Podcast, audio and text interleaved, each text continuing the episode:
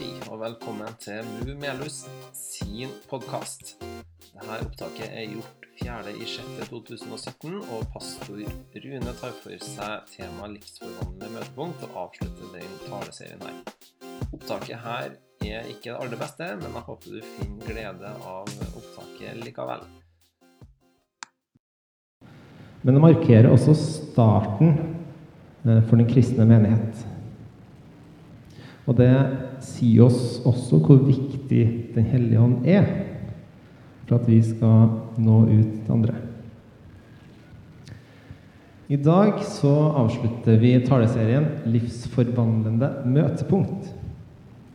Og jeg skal ta utgangspunktet eh, i en historie som står i Bibelen, men også en historie som står i en bok som heter 'The Day I Met Jesus'.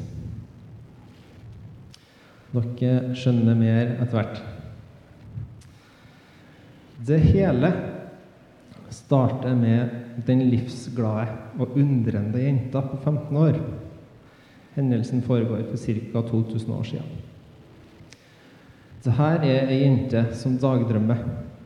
Hun bruker å gå opp fra huset sitt i den lille landsbyen, opp på åskammen og sitte der helt alene for å se på stjernene på himmelen. Der kunne hun drømme.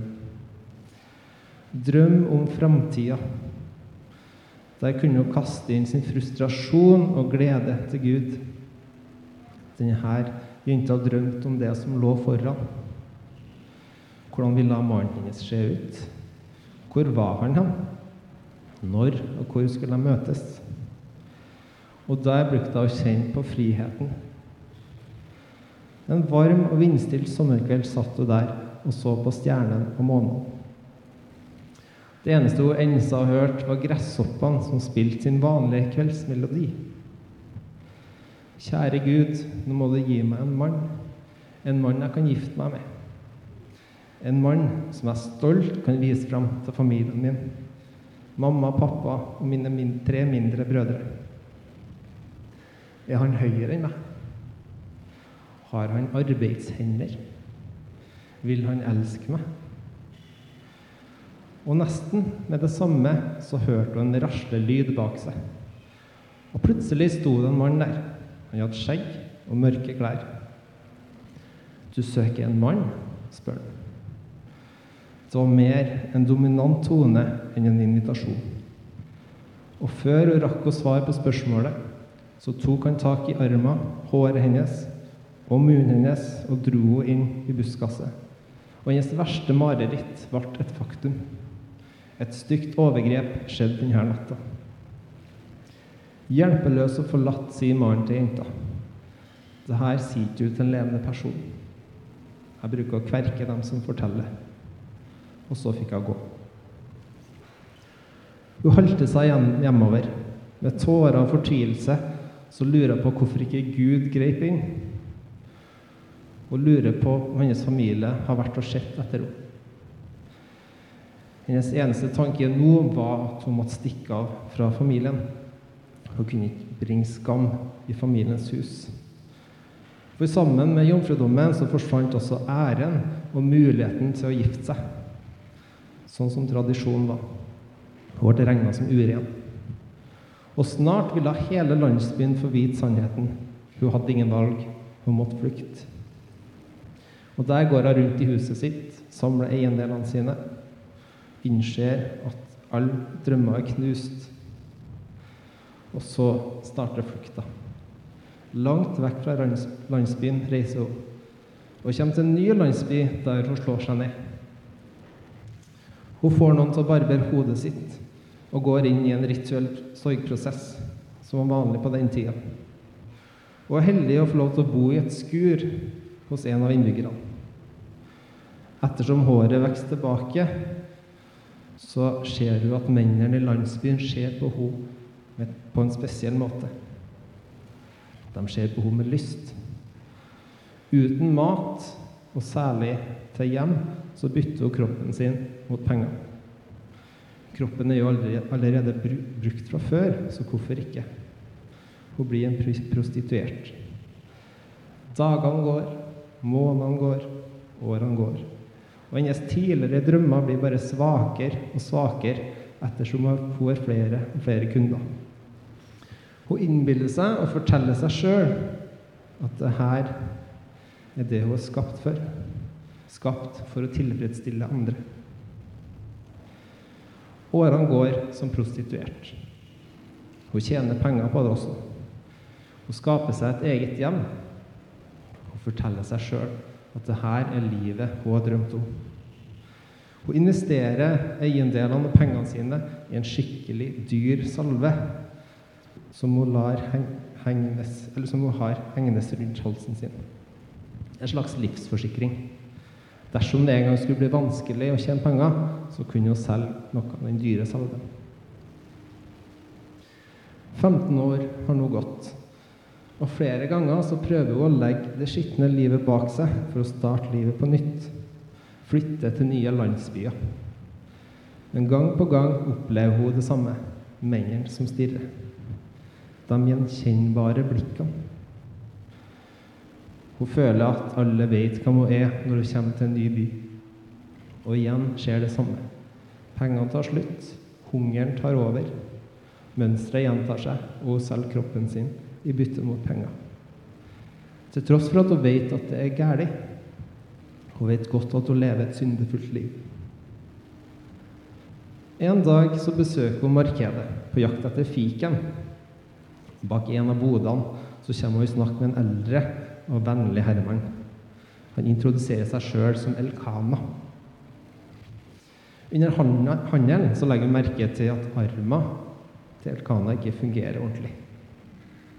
Den er innpakka i bandasje og har tydeligvis vært sånn i flere år. Elkana forteller, forteller om at det er en mann som heter Jesus, som er her i landsbyen. En mann som helbreder syke, og som henger med de uperfekte. Noen kaller han Messias. Jeg tror til, til og med at han kan helbrede den handa her, sier Elkana. Og også ødelagte og syndefulle liv. Umulig, tenker kvinna. For mange menn, for mange sykdommer, for mye dritt. Umulig. Hun takker for handelen og går hjemover. På vei tilbake til huset sitt så ser hun en folkemengde som samler seg. Og midt i, støvete, og midt i støvet av folkemengden står en mann i sandaler. Nysgjerrigheten tar overhånd. Hun stiller seg bak for å høre hva den mannen her har å si. Fortell oss mer, Jesus, roper en i folkemengden. Jesus nevner døperen Johannes. Denne døperen hadde hun hørt om. Men det var navnet Jesus som stoppa henne. Tanken på at han setter syndere i frihet. Hvis Jesus kunne være venn med tyver, kanskje han kunne være vennen hennes også, tenker hun. I flere dager så følger hun Jesus. Følger nøye med på undervisninga hans. På sabbaten var det et møte i synagogen, og Jesus underviste der. Der så hun den gamle, vennlige mannen som han møtte noen dager før, gå fram mot Jesus. Jesus spør lederne i synagogen er det tillatt å gjøre godt eller vondt på sabbaten. Er det en dag for å redde eller ødelegge liv? Det ble helt stilt, og ingen svarte. Da ba Jesus Elkana rekke fram handa si, og den ble totalt helbreda.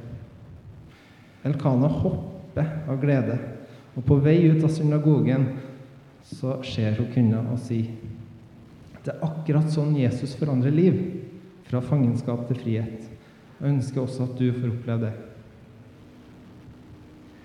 Kvinner følger nøye med Jesus dagene som kommer også. Det er et daglig høydepunkt å møte opp der Jesus er. Og En dag så følger hun folkemengden til, til berget da Jesus underviser. Og Hele tida og underveis så ber hun til Gud om at hennes liv må bli gjenoppretta, og at han må vise henne det. Plutselig så ser Jesus i retning kvinna mens han sier Salig er dere som nå gråter, dere skal få oppleve glede. Det treffer henne rett i hjertet. Ettersom Jesus fortsetter å snakke, så begynner hun å tro på tilgivelse. Så sier Jesus, tilgi andre for at du sjøl skal bli tilgitt. Elsk deres fiender. Hvordan kan jeg tilgi mannen som tok livet mitt for 15 år siden? Det går ikke. Hvordan kunne hun tilgi en mann som gjorde det her mot henne? I fortvilelse så spør hun Gud. På kvelden i sitt eget hus begynner hun å tenke på det hun hadde hørt og sett. Hun starter å be til Gud. Hun Forteller Gud om alle sine synder. Alt det som tynger. Tyngden er så tung at hun blir dratt ned på gulvet. Så skjer det noe. Når hun i detalj begynner å erkjenne alt det gærne har gjort, så faller synda av gram for gram. Alt det tunge som før hang over hennes skuldre, begynner å forsvinne. Hun opplever en enorm glede. En følelse av total frihet og tilgivelse. All skam, frykt, skittenhet, anger Alt bare forsvinner. For en fantastisk opplevelse. Hun danser og synger, hopper, griner og flirer. Hun får en enorm trang til å takke Jesus. Hun minnes ordene som David sier i Salme 23,5. Du salver mitt hode med olje, mitt beger renner over. Neste dag ser hun Jesus i folkemengden igjen. Hun tør ikke å ta kontakt. Det er for mange folk her. En fariseer i folkemengden rensker stemmen sin og inviterer Jesus hjem til sitt eget hus for å spise. Vi på avstand ser hun Jesus gå inn. Etter hvert tar hun motet til seg og går inn i huset der Jesus er. Hun må treffe Jesus nå. Hun smyger seg gjennom folkemengden rett til der Jesus ligger langs bordet. Følelsene tar overhånd. Hun kollapser foran Jesus sine føtter og begynner å skrike. Tårene renner over hans støvete føtter, og det drypper ned på gulvet. Hun begynner å kysse føttene til Jesus. Folk rundt gjesper og fatter ikke at det er mulig at noen tør å gjøre noe sånt. Hun bryr seg ikke, og Jesus gjør ingenting. Hun tar knuten ut av håret sitt og lar det henge fritt. Så begynner hun å tørke føttene med sitt eget hår. En skandale, tenker folk som vitner det her. Så tar hun alt hun eier og har spart opp, den dyre salva. Hennes livsforsikring. Tømmer hele flaska på Jesus sine føtter. Kysser føttene til Jesus i takknemlighet over opplevelsen av frihet, anerkjennelse og nåde. Så ser hun seg rundt. Møter blikket til fariseeren Simon. Hun kunne se det i ansiktet hans. Han er sint og sjokkert. Hun føler seg flau. Hun kjenner på skam igjen.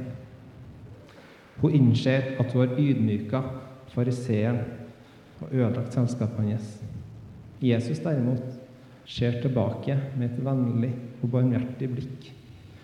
Ikke det blikket hun vanligvis får av menn, men et varmt og godt blikk. Hun bestemmer seg for å gå.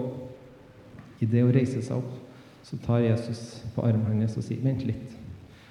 Så snur Jesus seg mot Simon og sier, 'En mann lånte bort penger til to personer.' 500 sølvpenger til den ene og 500 til den andre, og 50 til den andre. Når ingen av dem kunne betale tilbake, tilga han dem all skyld og sletta hele gjelda deres. Hvem tror du kjente på størst takknemlighet etter det her? Simon svarte, jeg antar det er personen som fikk sletta størst gjeld. Kvinna kjente seg sjøl igjen i historien.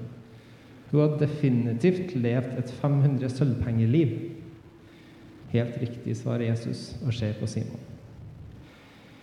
Jesus ser på kvinna med et barmhjertig blikk og fortsetter. Se på kvinna som sitter på kne her. Når jeg kom inn i ditt hus, så ble jeg ikke tilbudt vann til å vaske føttene mine. Hun har vaska dem med sine tårer og tørka dem med sitt hår. Du ønska meg ikke velkommen med et kyss, men fra første stund har du ikke stoppa å kysse føttene mine. Du salva ikke hodet mitt med olje, men hun smurte føttene mine med den fineste olje. Kvinner som hadde følt seg uren, uelska, uønska og uverdig, følte seg ikke sånn lenger. Jesus avslutter med å si, 'Jeg sier det, hennes synder, og dem er mange, er blitt tilgitt.' Derfor har hun vist enorm kjærlighet. Mens en person som har blitt tilgitt lite, viser lite kjærlighet.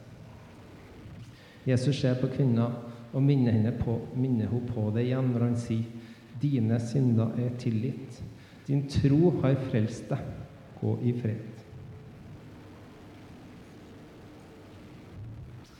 Som jeg sa innledningsvis, så er denne eh, historien et forkorta utdrag fra en bok som heter 'The Day I Met Jesus'. Anbefaler sterkt den boka.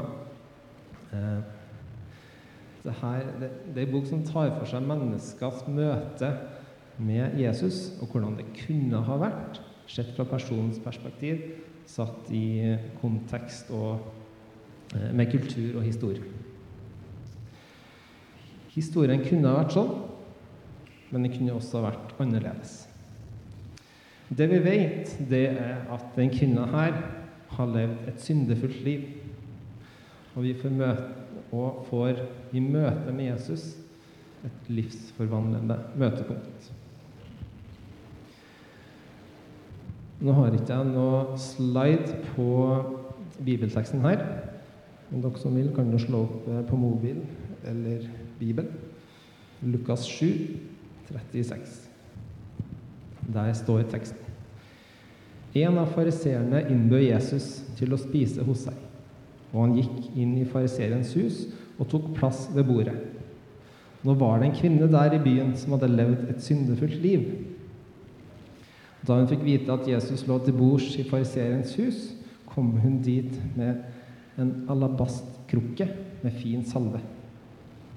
Hun stilte seg bak Jesus, nede ved føttene, og gråt.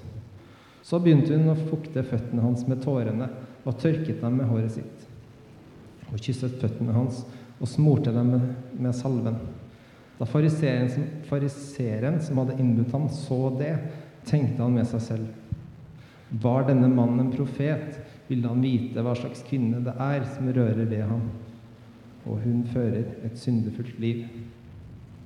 Da tok Jesus til orde. Simon, sa han til fariseeren, jeg har noe å si deg. Si det, mester, svarte han. Jesus sa, to menn hadde gjeld hos en pengeutlåner. Den ene skyldte ham 500 denarer, den andre 50. Men da han ikke hadde noe å betale med, etterga han dem begge igjen. Hvem av dem vil da holde mest av ham? Simon svarte. Den han etterga mest, tenker jeg. Du har rett, sa Jesus. Så vendte han seg mot kvinnen og sa til Simon.: Ser du denne kvinnen? Jeg kom inn i ditt hus, du ga meg ikke vann til føttene mine, men hun, men hun fuktet dem med tårer og tørket dem med håret sitt.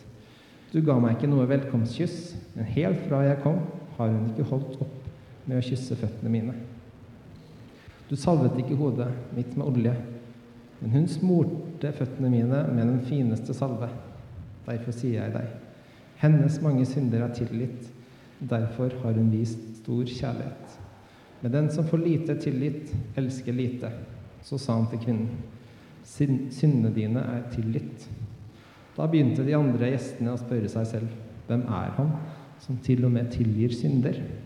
Men Jesus sa til kvinnen, din tro har frelst deg. Gå i fred.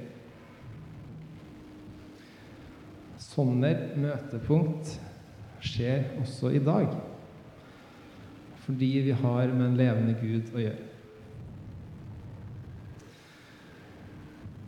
Og Gud, han ønsker å møte deg akkurat der du står, i det du står.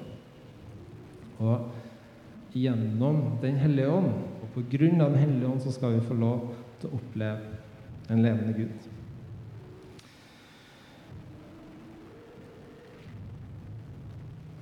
For å forstå den historien her, så kan vi se for oss to barn.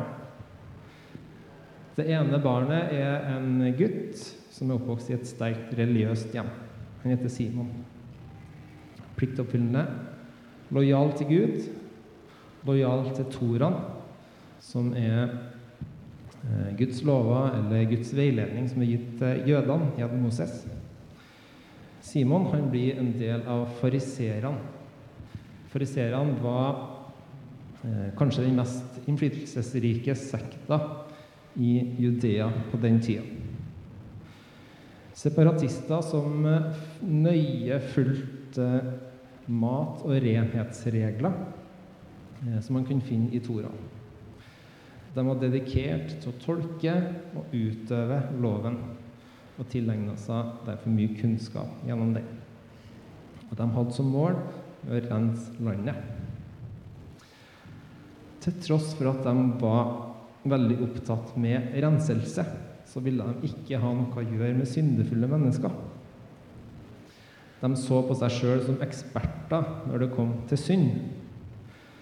De utnevnte, salva og rettferdiggjorde seg sjøl og distanserte seg fra eh, dem som praktiserte synd.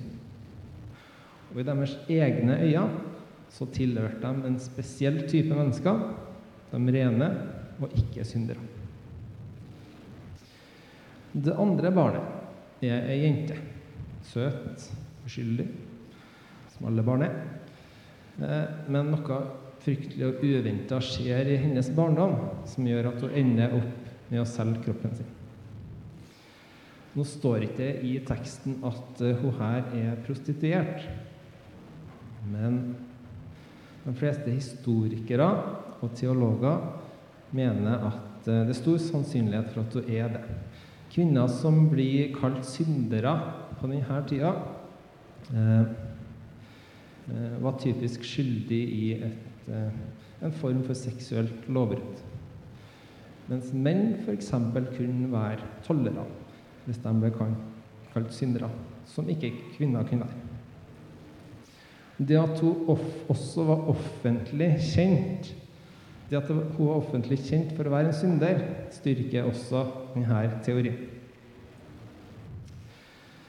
Eh, og av dette yrket, yrket så ble hun forakta av jødene og fariseerne. Hun ble sett på som skitten og uren helt nederst, nederst på rangstigen.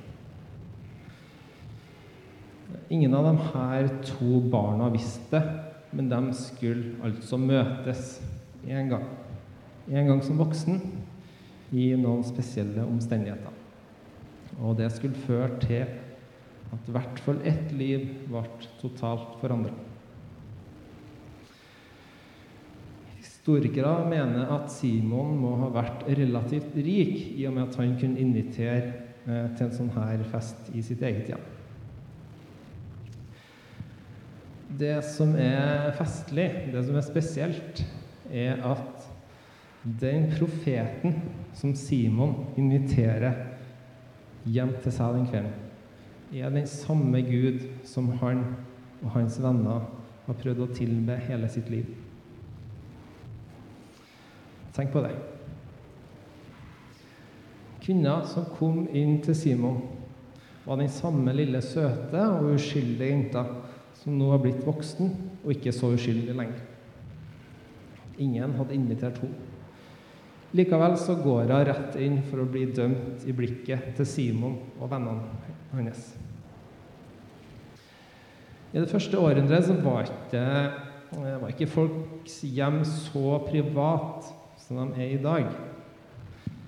Eh, hjemme til oss så låser vi døra hver dag, i hvert fall hver natt. For å være sikker. Sånn var det før. Da kunne man gå rett inn uten at man var invitert. Så det er ikke rart at Det er ikke jeg som er det rare her, at to kvinner går inn uten at hun er invitert. Det som er spesielt, er at hun går inn på tross av hennes status i samfunnet. Tenk på kontrasten. En skitten prostituert, rituelt uren og i jødenes øyne smittsom i hennes urenhet. Hjemmet hun går inn i, er til en såkalt ren fariseer. Hun kommer da inn som en inntrenger. Vi kan anta at hun har hørt Jesus undervist før. Hun visste hvor han, hvor han var, og oppsøkte Jesus, kanskje med en hensikt til å vise sin takknemlighet. Men når, når hun ser Jesus på nær avstand, så blir hun overvelda av følelser. Det at hun løste ut håret sitt, må ha skapt frustrasjon og sinne hos Simon og fariseerne. Det var en skandale på den tida dersom du lot håret ditt henge fritt i offentligheten. Det kan sammenlignes med at du kunne kanskje gå toppløs på Melhustorget eller her på Move og hadde samme signaleffekt for menn. Så ja, det var en skandale. Å rengjøre andres føtter det er også en jobb ment for slaver. Og veldig sosialt upassende dersom du ikke hadde en sånn rolle. Og det kunne også være sett på som en tjeneste fra eh, noen fra hennes yrke. På den tida så gikk eh, kvinner med ampuller rundt halsen eh, som var laga av glass, på størrelse med en finger ca. Men det greske ordet som Lukas bruker når han beskriver denne eh, ampullen, det er at det er ei flaske. Og mest sannsynlig så hadde hun kjøpt eh, salva på, eh, ja, fra hennes inntekter. Og det skulle representere hennes livsforsikring, eller eiendel. I Simons hode så eh, skal ikke guddommelighet assosieres med skittenhet. Og Det er kanskje derfor at han tenker følgende, som vi kan lese i Lukas. Var denne mannen en profet, ville han vite hva slags kvinne som rører ved han, at hun fører et syndefullt liv. Det er tydelig at Jesus ikke tar avstand fra kvinna når hun viser sin takknemlighet. Jesus visste akkurat hvem hun var. Og han visste akkurat hvem Jesus var. Hvem eh, Simon var. Og han bekrefter til og med Simon sine tanker med en lignelse. Tenk også over at når Jesus, som er Guds sønn, ser på denne kvinna, så så han et syndefullt menneske som elska Gud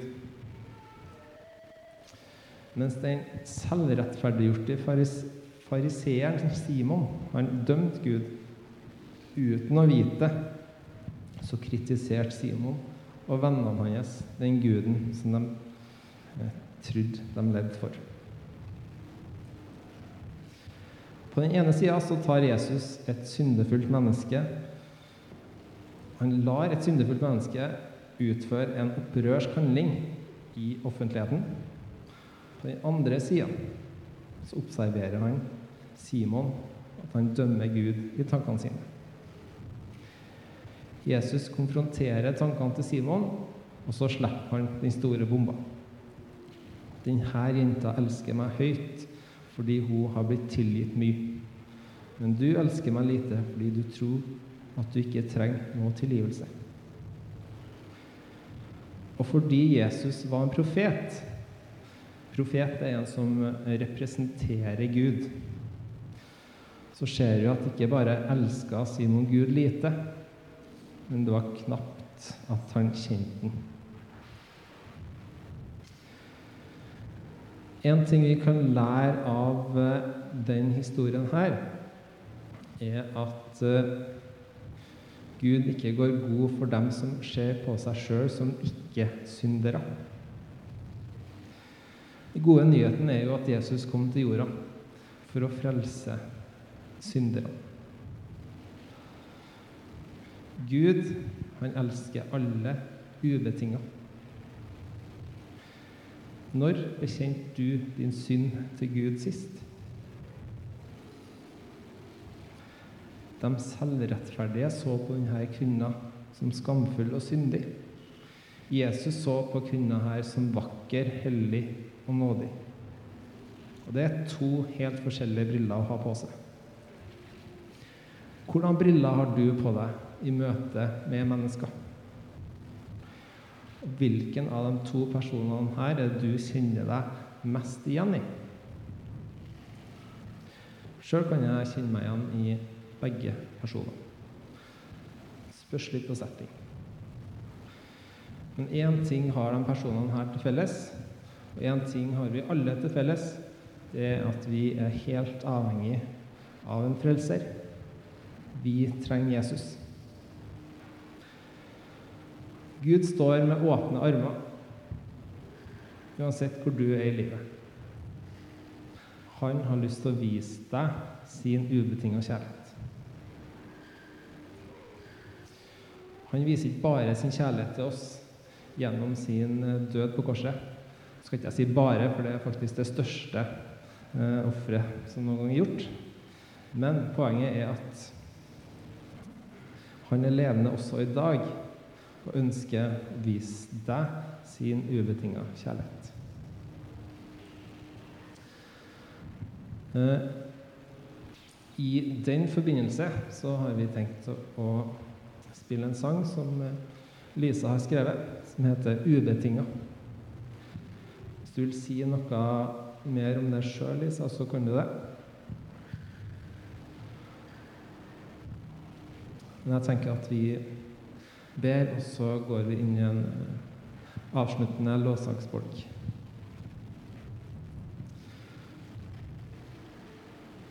Kjære himmelske Far, takker deg for at du er til stede her.